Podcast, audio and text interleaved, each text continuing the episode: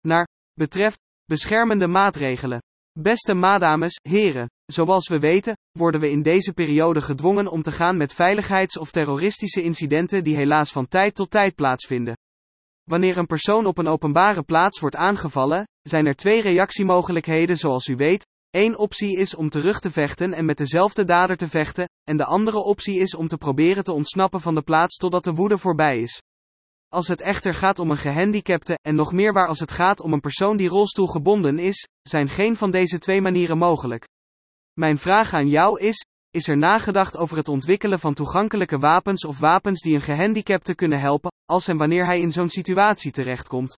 En voor zover dergelijke wapens open zijn op technisch niveau, bedenk hoe criteria en tests kunnen worden vastgesteld om te bepalen welke gehandicapten toegang hebben tot dergelijke wapens, en dit komt door het potentieel om zo'n recht op zelfverdediging te misbruiken? Of is het een waanvoorstelling en een gek idee, of ethisch of moreel onaanvaardbaar, dat geen enkele vorm waard is? Wat denk je? Ik zal opmerken dat ik geen kennis heb van open wapens en geen toegang, die ik alleen ken als een gehandicapte die periodiek producten zoekt om zo nodig te helpen in het dagelijks leven. Met vriendelijke groet, Asaf Beni Amini.